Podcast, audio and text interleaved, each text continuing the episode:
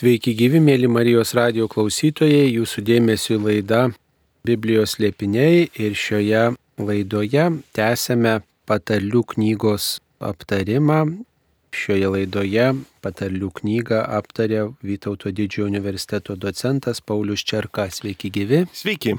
Tai šį kartą atsiverčiame patarlių knygos 12 skyrių, kuriame svarstomi įvairūs pamokymai ir taip pat linkima ir išminties, ir taip pat aptariami ir šeimos reikalai.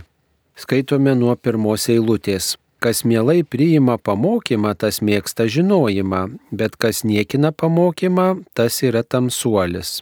Ar žmogus, kuris ieško tiesos, gali niekinti pamokymą, kitaip sakant, kas gali iš viso niekinti pamokymą, kas gali būti tuo tamsuoliu ir atstumti pamokymą, patarimą, na tą tokį išmintie žodį.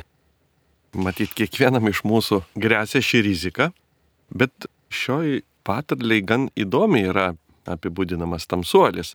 Ne pagal žinių kiekį, o pagal reakciją į pastabas. Ir nesvarbu, kiek daug ar mažai žmogus žino, pasvirodo daug svarbiau yra, kaip jis reaguoja į korekcijas, pastabas, į naują informaciją į permastymą į to, ką tu žinai. Tai mūsų tamsumas matuojamas ne pagal enciklopedinį žinių kiekį, o pagal mūsų reakciją į, na, sakykime, kažkieno kito korekcijas, į parodymą į mūsų klaidas, į mūsų trūkumus, kas niekada nėra malonu. Ir kaip žmogus į tai sureaguoja, iš tikrųjų išduoda, kiek tamsus jis yra. O gal čia taip pat turima galvoje ir tas nuodėmės pasirinkimas, nes pamokymas e, veda į tam tikrą pažinimą gėrio ir blogio skirimą ir tada, kas jau pažįsta gėrį, tas niekuomet nesirinks blogio, kas pažįsta dorybę, tas niekuomet nesirinks nuodėmės arba tiesiog bėgs nuo jo, svengs. Tikrai yra taip, tačiau va, tas pažinimas prasideda pirmiausia nuo savo nežinojimo pamatymo. Ir iš tikrųjų, va šitoj daly mums žmonėms yra sunkiau peržengti save arba suvokti, kad nežinai. Dažniausiai mus nuramina kažkoks mūsų įvertinimas, kuomet mes pagirėme už savo žinias, arba mes pasijaučiame gerai viską žina ir labai susinerviname, kai paaiškėja, kad mes žinome klaidingai arba nežinome. Tačiau vat, būtent tai ir yra pirmie žingsniai išminti, kaip mes skaitėme anksčiau. Tai vat reakcija į pastaba parodo daug daugiau apie žmogų negu jo, na, sakykime, kažkokius tai duomenys, kuris jau žino. Taip. Dvyliktojo skyriaus antroji eilutė. Geras žmogus susitarnauja viešpaties malonę, o klastūnas jo pasmerkimą. Taigi, kokią viešpaties malonę užsitarnauja tas geras žmogus? Čia gan sudėtingas klausimas yra, bet pabandykim jį panagrinėti vertime lietuviškam yra pasirinktas žodis užsitarnauja, jis ne visiškai yra gerai vykęs, galima būtų atranda, įgyja žodžiai.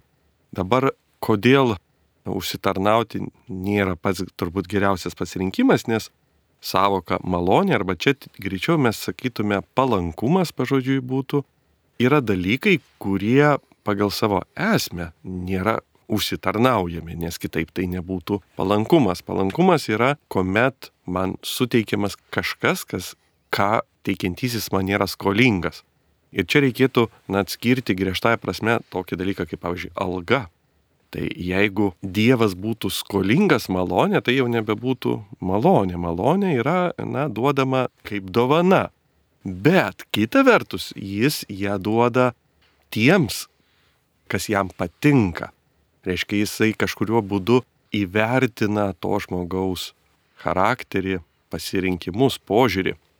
Kažkuria prasme turbūt mums padėtų susigaudyti, taip kaip ir mūsų visuomenėje, sakykime, tam tikri žmogaus veiksmai yra visuomenės, būtent visuomenės įvertinimai. Pavyzdžiui, už nuopelnus visuomenė yra skiriamas koks nors apdovanojimas, ordinas, premija ar kitoks įvertinimas. To tikrai negalima būtų įvardinti užsitarnavimu arba alga, bet galima būtų sakyti, kad tai yra vis tik už nuopelnus, nes mes pastebime žmogaus veikimą pastebime jo išskirtinumą ir norime jį paskatinti, parodyti, kad tai labai patinka, tai labai gražu, ką jis daro, galbūt jis dirba visuomeniai naudingus darbus ir panašiai. Tai čia šiuo atveju eina kalba apie tokį gerumą, ne gerumą, kaip aš dirbu darbą, už kurį gaunu algą, bet gerumą, kurį aš darau ne dėl kažkokio tai tiesiogiai užmokesčio, bet tiesiog darau gerą. Ir kažkas kitas matydamas tai džiaugiasi ir nori įvertinti. Ir būtent ta prasme mes galim kalbėti apie malonę, nes griežtai prasme ir katekizmas sako, žmogus nieko negali pelnyti pas kurėją, nes yra kūrinys ir kurėjas niekada negali griežtai prasme tapti skolingas kūriniui, bet kita prasme mes kalbame apie malonės pelnimą, kuomet pati malonė mumise veikia, jį daro, kad mes elgtumėmės tai, kad patiktų tokiam Dievui kaip karaliui, čia toks vat, malonės teikėjas. Ir tokiu atveju jisai pastebi tą žmogaus veikimą ir jį vertina ir sakom, geras žmogus įgyja malonę iš Dievo. Prieš tai mes skaitėme, kad nuolankiesiems jis teikia malonę. Dabar mes perskaitam, kad gerą darantiems. Ir čia turbūt vėl dera prisiminti kalno pamokslo. Jau Kristaus patarlės, kuomet jis sako, tegul tavo kairė nežino, ką daro dešinė, atsiminant apie tuos teisumo darbus, apie tą gerą, jog mes turėtume įdaryti Dievo akims, ne žmonių akims, nes jeigu mes atsimsim atlygį iš žmonių, tai Dievo atlygį vietos ir nebeliks.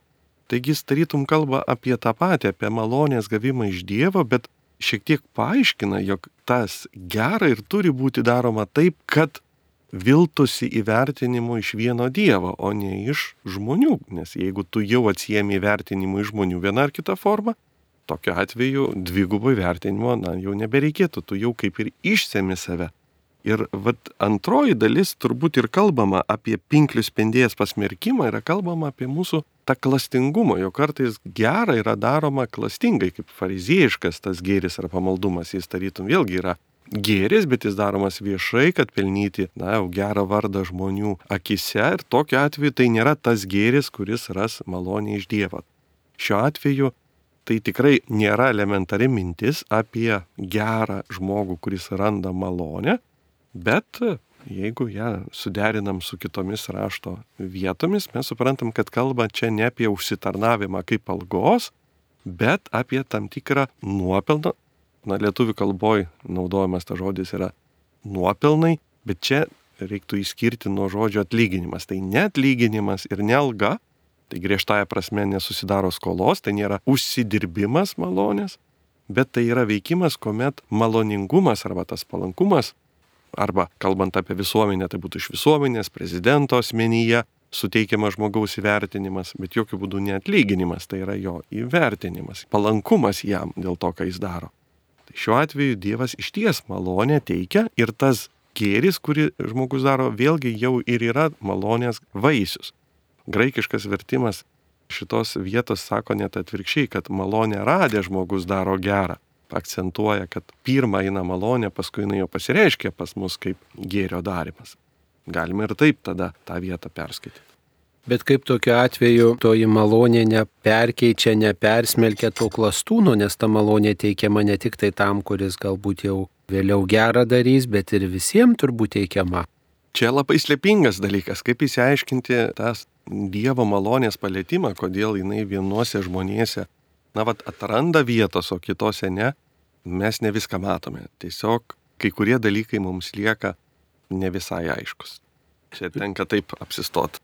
Taip, bet turbūt toks dalykas yra, kad vis tiek yra laisva valia, kai žmogus tą Dievo palankumą, gerumą gauna, jisai gali panaudoti tą savo reikalams savanaudiškai, užsklęsti tą, uždaryti tą malonę, klastingai panaudoti kažkam, su Taip. pavydu gal žvelgti į kitą, kuris gavo kitą malonę, o kitas gali kaip tik tai su tokiu gerumu, dosnumu Bet čia iškyla dar gilesnis klausimas, kad be laisva valia reaguoja į tas malonės, bet vėlgi jinai yra malonės mūsų paveikta. Ir tada vėl tektų klausti toliau, kodėl vienus malonę paveikia, mūsų valia ją priimti, o kitų kažkaip nepaveikia jos priimti. Ir čia kažkiek mes paeiti galim porą žingsnių, bet vis tiek paskui atsidurėm į tam tikrą erdvę, kur tiesiog mes per giliai nusileidžiam į žmogaus širdį ir jos taip giliai ištirti turbūt nebesugeba. Mes turim suprasti, kad pradėti kelionę galim, bet vis tiek vėliau prasideda didelė gelmė, kurioje, mano galva, na, mes tiesiog žmogiškų būdų jau nebegalim atskirti. Tik vienas Dievas gali prasiskverbti iki jau širdies gelmės ir tų procesų gimstančių pačio žmogaus gelmėje. Na bet patarlių knygos 12 skyriuje, trečioje eilutėje Taip pat apie gelmę užsimenama ta prasme, kad kalbama, jog teisusis žmogus laikosi tvirtai ir remiasi tiesiog į savo šaknis, kurios tvirtai jį išlaiko. Va paklausykime, nedorumas žmogaus nesaugo, o teisiųjų šaknis nebus išrautos.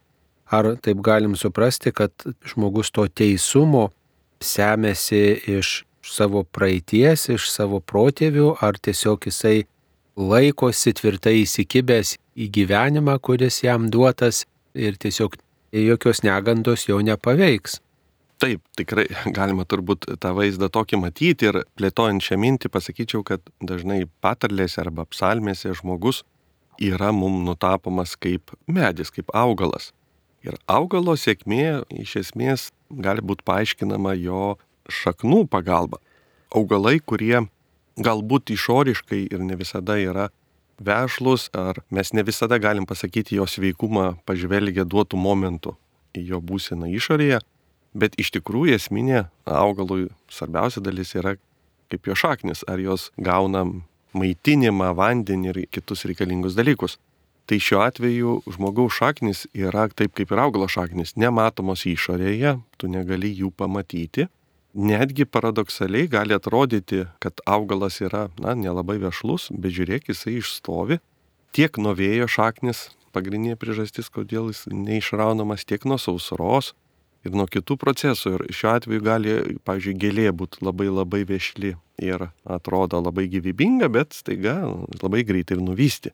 Va, skirtingai negu medis. Tai šiuo atveju toks palyginimas yra, kad teisėjo paslaptis gyvenimo sėkmingumo yra tas nematomas vidinis gyvenimas tarytum augalo šaknis. O to antipodo yra tarytum na, išorinis gyvenimas, kuris sublizga, bet staiga jis ir nuvysta. Tai šiuo atveju mums nieko nepasako apie to teisėjo medžio, kiek jis lapų daug turi, ar ne jis ten didelis, ar ne. Kalbama konkrečiai apie tai, kad teisusis pasižymė va tuo giluminiu, šakniniu savo gyvenimu, kaip augalas. Taip, galbūt čia galima būtų analogiją tokią išvesti su Jėzaus pasakytų palyginimu apie namą, kuris pastatytas ant smėlio ir namą, kuris pastatytas ant uolos. Tai tas žmogus, kuris yra teisus, kuris stengiasi Dievui atsiliepti, jo žodžio laikosi, jo pamokymus priima, tai jo tas gyvenimo namas tikrai turi tvirtus pamatus ir jo niekas neišjudins, kaip ir tvirtą šaknis turinčio augalo medžio, o nedoras žmogus jis neturi tokių tvirtų pamatų. Labai gali būti greitai tos nuodėmės nedorumo išklibintas ir tiesiog sugriūti arba patirti katastrofą, nu, pasiekmes tos nuodėmės labai skaudžias. Taip, ir patarlių knygoje šis vaizdinys apie augalą, o šiuo atveju dabar apie statinį irgi dažnai sutinkamas, mes taip pat jį skaitome šios skyrius septintoji lūtei kur sakoma, parblošk nedorelius ir nieko iš jų nelieko, teisių žmonių namai stovi tvirtai. Tai šiuo atveju būtent tai, ką jūs ir minėjote, kalno pamokslė mes sutinkam irgi kvailį ir išmintingą, kuris stato namus ir vienam nepasiseka su pamatais, kurį tai laiką abu pastatai atrodo vienodi ir, ir atrodo abu sėkmingi, bet, va, išbandymo valandą vienas labai staigiai sugriūna, o kitas lieka stovėti.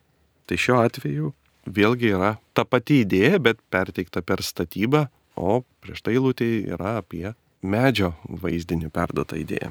Ketvirtojoje eilutėje yra toksai interpas, toks netikėtas, bet labai įdomus, susijęs su šeimos gyvenimu.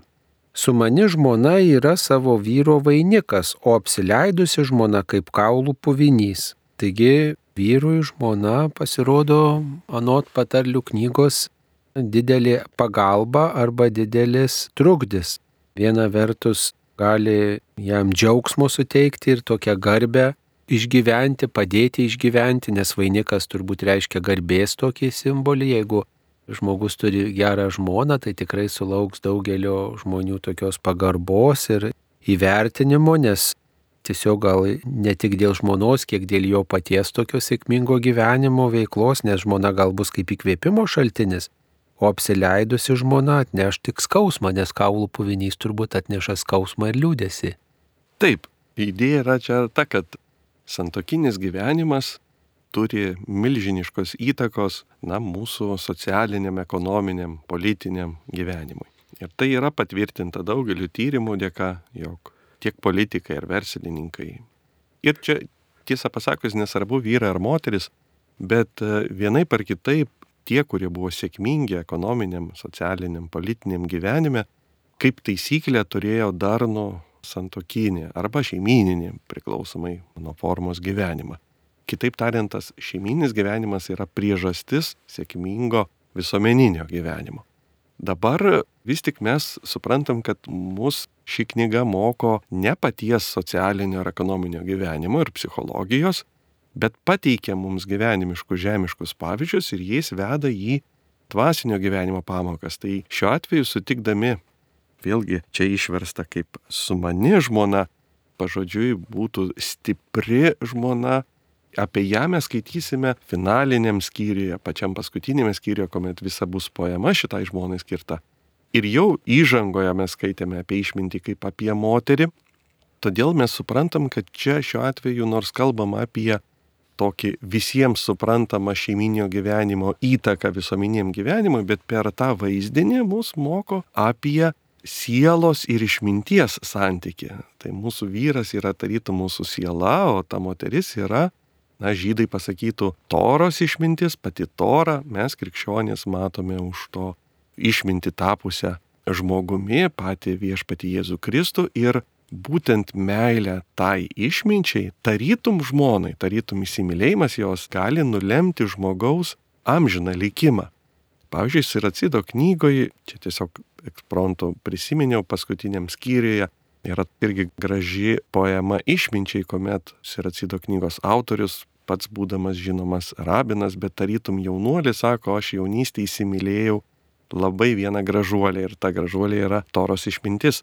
Ir vat, rabinai dažnai palygindavo Torą su tarytum tą moterį, kurią tu turi įsimylėti nuo jaunystės ir tuomet tavo gyvenimas pasikeis taip, kaip vyro pasikeičia gyvenimas sėkmingos santokos dėka. Tai šiuo atveju supraskim, kad nėra tiesioginė mintis, ar šiuo metu ten vyro ar žmonos visuomeninis gyvenimas yra paveikiamas daugiau ar mažiau, mes tiesiog supraskim, kad tuo metu buvo pasirinktas toks modelis pagal to meto šeimos modelį, bet mus moko šitą eilutę ne šeimos psichologijos ar visuomeninių santykių psichologinių dalykų, bet jų pagalba kaip vaizdinių moko apie dvasinę tiesą, kad žmogus turi susidraugauti su išmintimi, su tora, su gyvoju Dievo žodžiu, su logosu mes pasakytume jau Naujojo testamento šviesoje.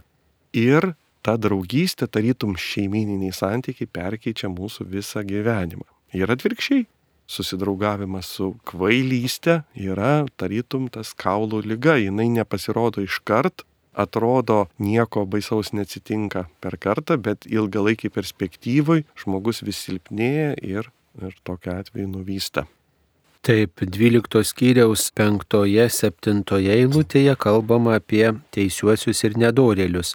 Teisiųjų užmojai yra teisingi, nedorėlių užmačios yra klastingos, nedorėlių žodžiai yra krūvinos paskalos, o dorųjų kalba juos išgelbsti.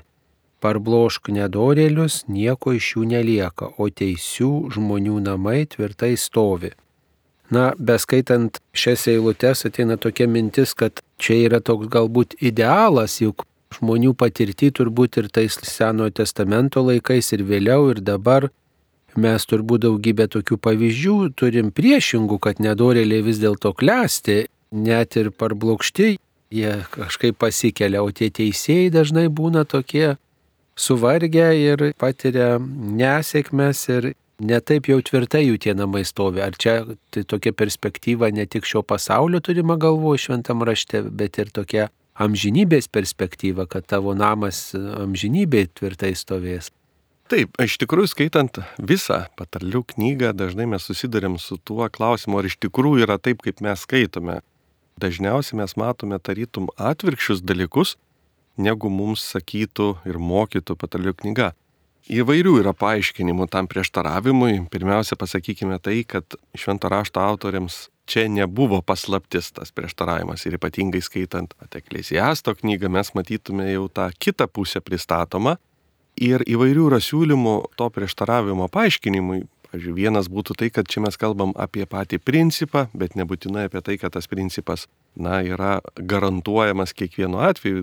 Būtent, juk mes kalbam apie mislės, apie patarlės, tai jų tikslas nėra užtikrinti kiekvieno kartą, kad visada viskas įvyks identiškai. Bet aš pasiliučiau irgi kitą gal prieiti, kad jeigu mes kalbam vaizdinių kalbą, tai šiuo atveju supraskim, kad mums siūlomas sėkmingumas nėra žemiškos perspektyvos dėka. Tas sėkmingumas yra vidinio gyvenimo sėkmingumas. Ir šiuo atveju žemiškas gyvenimas gali iš tikrųjų atrodyti netoks jau ir sėkmingas to paties dievoto žmogaus bet jo vidinis gyvenimas gali išlikti sėkmingas. Ir šiuo atveju mes sakydami, kad žmonės bažnyčia paskelbdama šventaisiais, tuo pačiu pripažįsta, kad jie buvo sėkmingi. Sėkmingi tikrąją to žodžio prasme pasiekė visą savo, na, žmogiškumo esmę ir dar daugiau. Tapo Dievo namiškiais, ar ne, išgyveno jo prigimti. Reiškia, tai yra įmanoma. Ir žiūrint žemiškoj perspektyvoje, jų gyvenimai, na, tikrai nebuvo sėkmingi ten ekonominė, politinė prasme, jie visko turėjo ir sėkmių, ir nesėkmių, ir klaidų. Bet žiūrint dangiškos perspektyvose, kai jie iš tikrųjų buvo be galo sėkmingi ir sėktini, tai šiuo atveju aš sakyčiau, čia mes kalbam tik tai žemiškos perspektyvos vaizdiniais apie dangišką perspektyvą, kuri iš tikrųjų mums yra žadama ir garantuojama.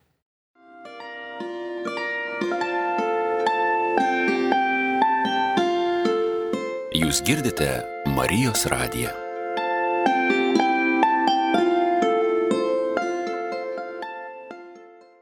Skaitome toliau 12 skyriaus 8 eilutėje taip prašoma, už protingumą žmogus laimi pagirimą, o sukto proto žmogus tik panieko susilaukia.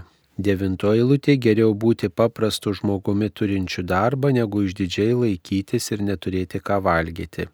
Štai toji devintoji eilutė, na jau tokia gyvenimiška išmintimi dvelkia, kad tikrai geriau žvirblis rankoje negu jautis lankoje, ne?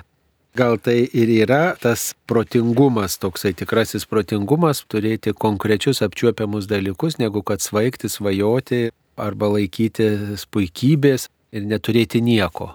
Vienareikšmiškai. Aštuntoje lūtė mes lietuvišką versiją turim šitos patarlės, jog žmogus sutinkamas pagal rūbą, išlydimas pagal protą, jog vis tik žmogaus vertinimas ilgalaikiai perspektyvai pasilieka pagal jo išmintį, pagal sumanumą, pagal mąstymą. Na, o devintoji lūtė yra gan įdomi, nes geriau būti paprastu žmogumi turinčiu darbą, pažodžiui, būti savo paties vergu. Kartais būtiniai kalboje mes sakom dirba ant savęs. Tai reiškia, kad jis neturi darbuotojų, nors yra verslininkas, bet yra labai labai kuklus verslininkas. Reiškia, dirba vienas pats, neturi samdomos jėgos ir tarytum jo verslas, na, nėra didelis, ar ne, jis dirba pats savo. Prieš pastatomas yra kitas personažas, kuris laikosi labai išdidžiai, dedasi kažkuom labai reikšmingu, bet paaiškėja, kad neturi nedonas, tai yra greičiausiai turi skolų, Ir turbūt gyvenime tenka sutikti žmonės, kurie gyvena ne pagal išgalės, automobiliai yra labai prabangus arba būstas, o paaiškėja už to slypi skolos. Bet tas įvaizdis žmogų veda, kad jis nori būtent pasirodyti geresniu nei yra ir jam, na sakykime, ta duona jo nepatenkina, jis nori šiek tiek pavadinti geresnį. Gyvenimas nuolat mums turbūt mūsų aplinka pateikia tų pavyzdžių ir mes patys savo galim panagrinėti save, jo kartais Čia sako, žmonės ima paskolas, kad nusipirktų daiktus, kurių jiem nereikia ir padarytų įspūdį žmonėms, kuriems jie nerūpi. Tai iš tikrųjų yra tai, kad šio laiko gyvenimo tempas ir mados diktuoja mūsų norą tarytum nustebinti aplinką. Bet kuo tai mus moko apie dvasinį gyvenimą? Čia vėl reikėtų turbūt prisiminti Kristaus palyginimus arba tas pačias hebrajų tradicijų patarlės apie fariziejus ir muitininkus. Fariziejai save laikė labai turtingais, nors tokie nebuvo. Dvasinė prasme turtingais, jie laikė save teisėjais, nors iš tikrųjų buvo nusidėliai. O nusidėliai, muitininkai juos laikė nusidėlius, bet Dievas, mes matom, juos išteisindavo ypatingai to istorijoje, kuomet du žmonės atėjo melstis į šventyklą, muitininkas ir fariziejus ir žinom, kad muitininkas mušėsi į krūtinę, gailėjosi ir, na, istorija baigėsi tuo, kad jis nuėjo nu išteisintas. Iškai Dievo kise jis buvo teisus, o fariziejų kise jis buvo nusidėlis. O fariziejus atvirkščiai savo kise jis buvo teisus, Dievo kise nusidėlis. Ir čia yra toks, na, paradoksas. Garsus anglų apologetas Chestertonas, pacituosiu jo mintį, yra pasakęs, mano religijoje, mano tikėjime esame šventųjų, kurie žino esą nusidėliai. Va, Tomas Kempietis yra pasakęs tik tas tikrai didis, kuris yra mažas pats savo akise ir kuriam pasaulio garbė yra tik menknikis. Jei nori būti kuklus, nemanyk tik save vieną esant gerą. Nieko nenustosi manydamas esat žemesnis už visus, bet daug pralaimėsi manydamas esas aukštesnis nors už vieną. Dar norėčiau pacituoti Paskalio mintį, kuris irgi pasakė, kad yra toks paradoksas apie tai, kad yra nusidėliai, kurie laiko save teisėjais ir yra teisėjai, kurie laiko save nusidėliais. Tai šiuo atveju čia yra pertikta ta pati idėja, kurią mes Evangelijoje na, sutinkame apie teisumą ir nuodėmingumą, bet čia perteikta yra apie turtinę prasme kuklumą, kad vieni realiai turi skolas, bet dedasi kažkaip labai turtingi, kiti priešingai yra kuklus, nesusireikšmina, bet tokie yra vertingesni. Tai va tikras teisumas nesideda esas ypatingas teisumas, nežiūri save kaip į kažką tokio, dažniausiai mato savo klaidas, trūkumus, nuodėmės, bet kaip tik ir yra pats vertingiausias Dievo kise toks požiūris į save nuo dešimtos eilutės ir toliau skaitome. Teisų žmogus rūpinasi savo gyvuliais, o nedorų žmonių širdis yra žiauri. Kas dirba savo žemę, turės duonos iki sotės, o kas vaikosi vėjų, neturi sveikos nuovokos. Nedorų žmonių tvirtovė bus nugriauta, o teisiųjų šaknis yra išliekanti. Blogas žmogus patenka į pinklės per savo liežuvį, o teisų žmogus išsivaduoja iš vargo. Žmogus sotinasi gerybėmis iš savo lūpų vaisiaus ir rankų darbas yra atlyginamas. Nuo 11 iki 14 eilutės čia jau pabrėžiamos dorybės. Tas, kuris sulaiko piktą žodį, tas, kuris darbštus ir tas, kuris stengiasi būti rūpestingas tas, kuris laikosi Dievo įsakymų kruopščiai, stropiai ir stengiasi Dievui atsiliepti, tai jų tas gyvastingumas turbūt reikia suprasti tvers per amžius, kitaip sakant, amžinas gyvenimas tam žmogui garantuotas. Mes susidarėm su ir susidursim dar šitam skyriuje su tinginystės klausimu ir nepasitenkinimu savimi arba savo dalimi čia vat žmogus dirba savo žemę. Viena vertus turi duonos, galbūt tai nėra labai įdomus dalykas ir nėra labai novatoriškas tą dirbti žemę, daugiau mažiau mes žinome, kaip tai daryti. Ir gali būti, kad žmogus nori, kaip sakyti, išbandyti kažką kito, įdomesnio, bet dažniausiai tokie projektai baigėsi turto išvaistimu, energijos išvaistimu.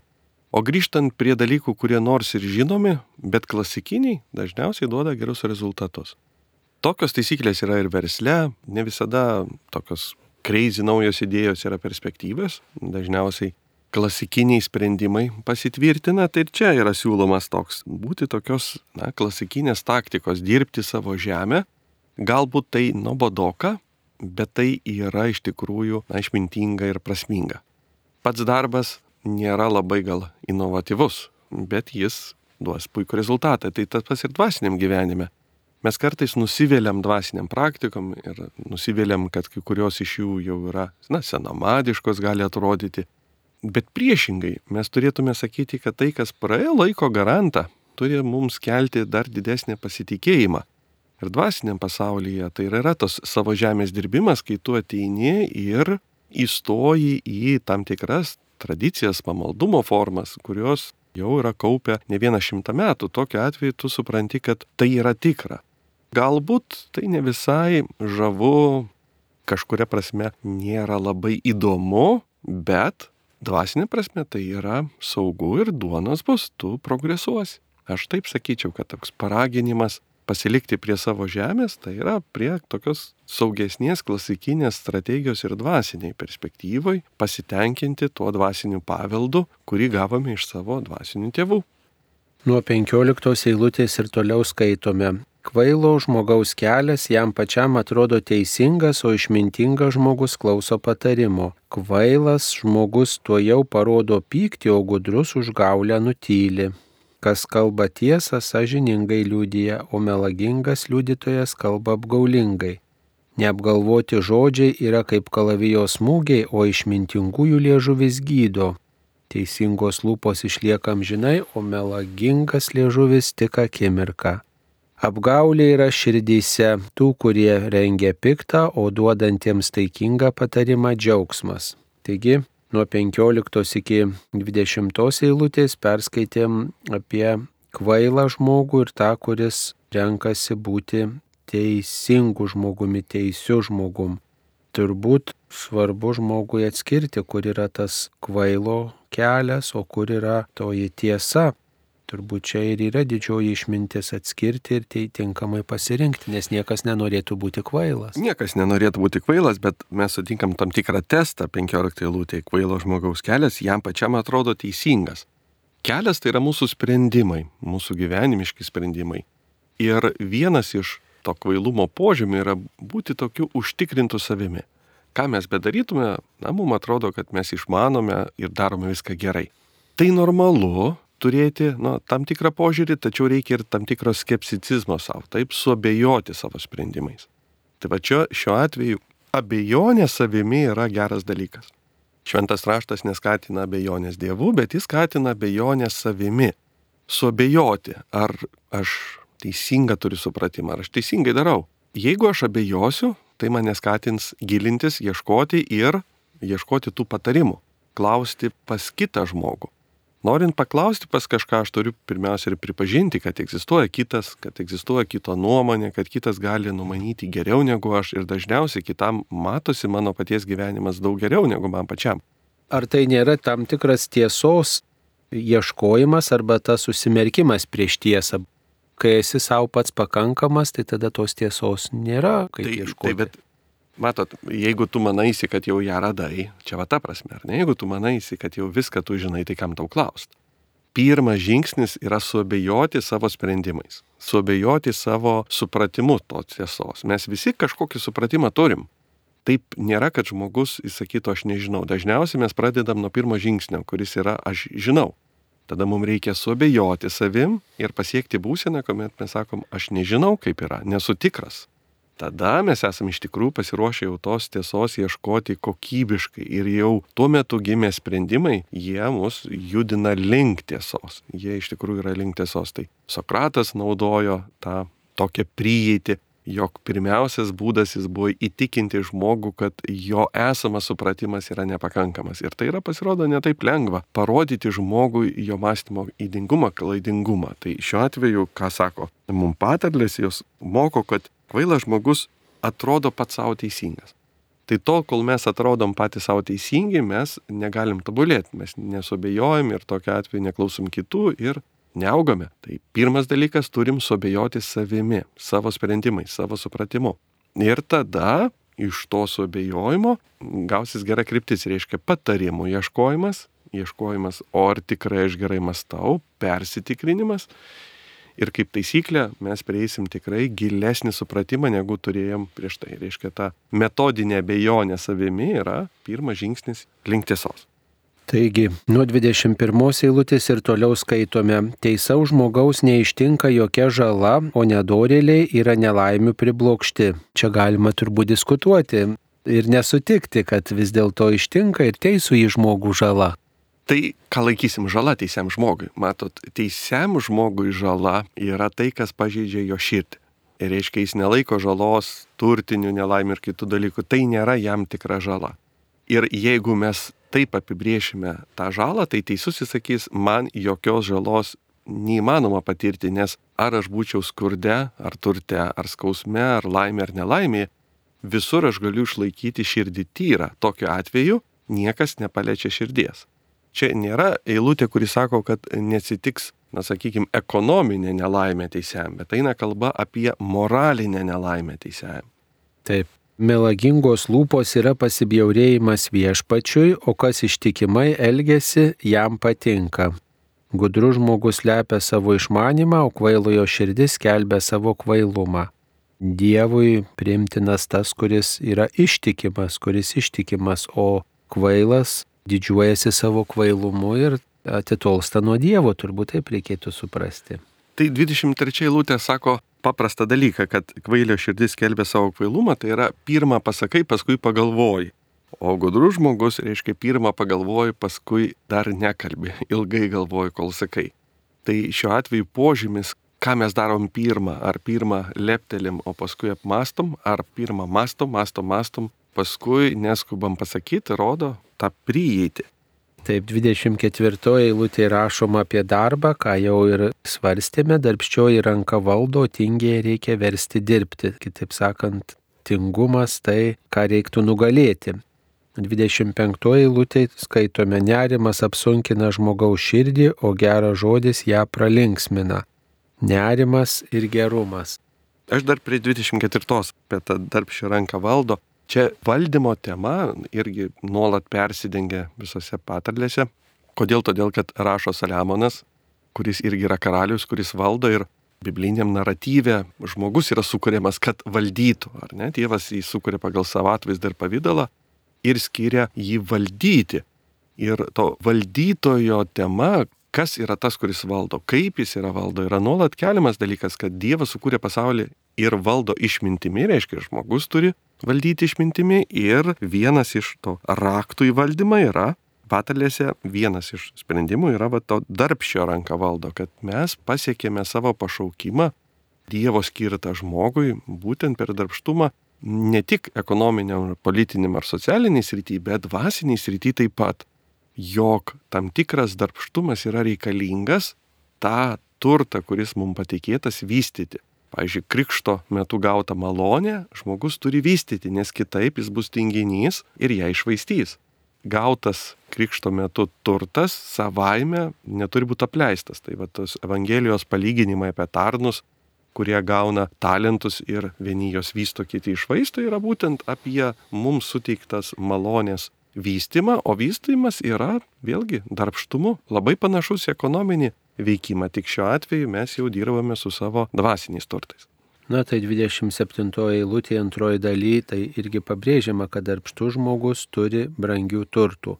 Bet dar staptilkime ties nerimo tema 25 eilutė. Nerimas apsunkina žmogaus širdį. Mums tai turbūt yra labai pažįstama patirtis, nes iš tiesų apsunkina mūsų mintis ir bendravimą ir mūsų darbingumui kenkia, o geras žodis širdį pralinksmina. Tai tas geras žodis čia turi ateiti iš šalies, ar čia pats žmogus turėtų tą nerimą sklaidyti, tardamas kitiems gerus žodžius. Na, turbūt ir taip ir taip galima suprasti. Ir e, apie tai, kad mums reikalingas yra kitas asmuo, kito asmens patarimas, mes nuolat sutinkame tą kvietimą tartis Ir šiuo atveju galbūt šitoje lūtį mes girdime apie tai, kad tas, kuris patarė, taip pat daro svarbu įnašą į gaunančio patarimo gyvenimą. Na ir 26 eilutė apie tai ir sakoma, teisusis duoda gerą patarimą savo artimui, o nedorelių kelias klaidina. Kitaip sakant, tą nerimą nuodėmė didina. Taigi ir 28 eilutė skaitome, ant teisumo tako yra gyvenimas, žengiant jo taku nėra mirties. Tai kitaip sakant, tas, kuris e, stengiasi laikytis teisumo, Dievo įsakymų, viešpaties valios, stengiasi jo mintį suprasti, per mirtį eina į gyvenimą. Taip galime suprasti. Ir, ir dar grįšiu labai tokios gražios patarlės 27 eilutė, kurie jau minėjo, šiek tiek tingus žmogus niekada nekepa sumedžiotos mėsos.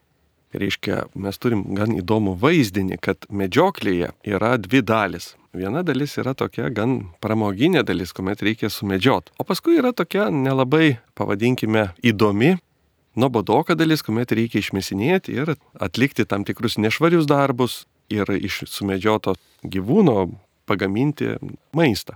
Ir medžiotojai iš tikrųjų kartais dalinasi. Ta dalis tokia, na, į medžioklę visi nori eiti, bet būtent tas maisto gaminimas nėra toks mielas.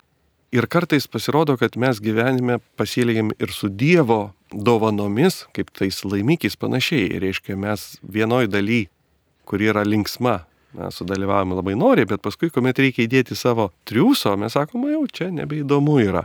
Taip pat galim kalbėti apie sakramentinės malonės, taip, kurios yra tarytum tie medžioklės laimikiai, bet juos dar reikia naudoti. Jie nėra savaiminiai atnešantis naudą patys į savęs, reikalingas mūsų bendradarbiavimas su jais.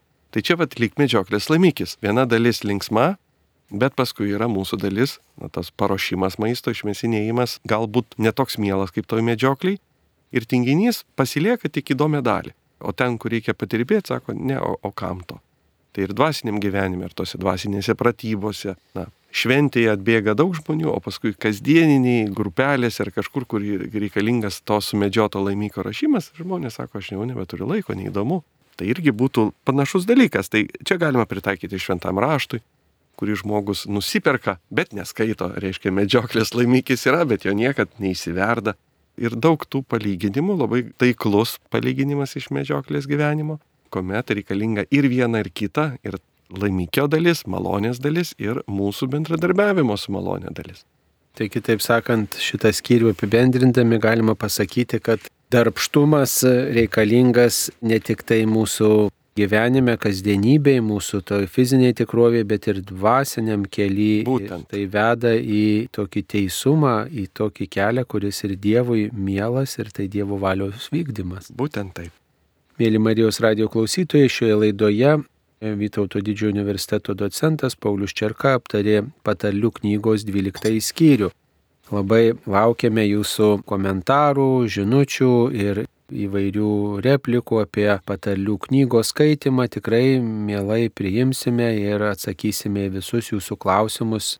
Siūskite Marijos radijui. Tikrai džiaugiamės, kad jūs draugės skaitote patarlių knygą ir kviečiame daug atrasti ir savo reikalingų atsakymų. Ačiū Pauliui, Dievas te laimina ir te padeda mums gilintis į patalių knygą. Ačiū sudė. Sudė.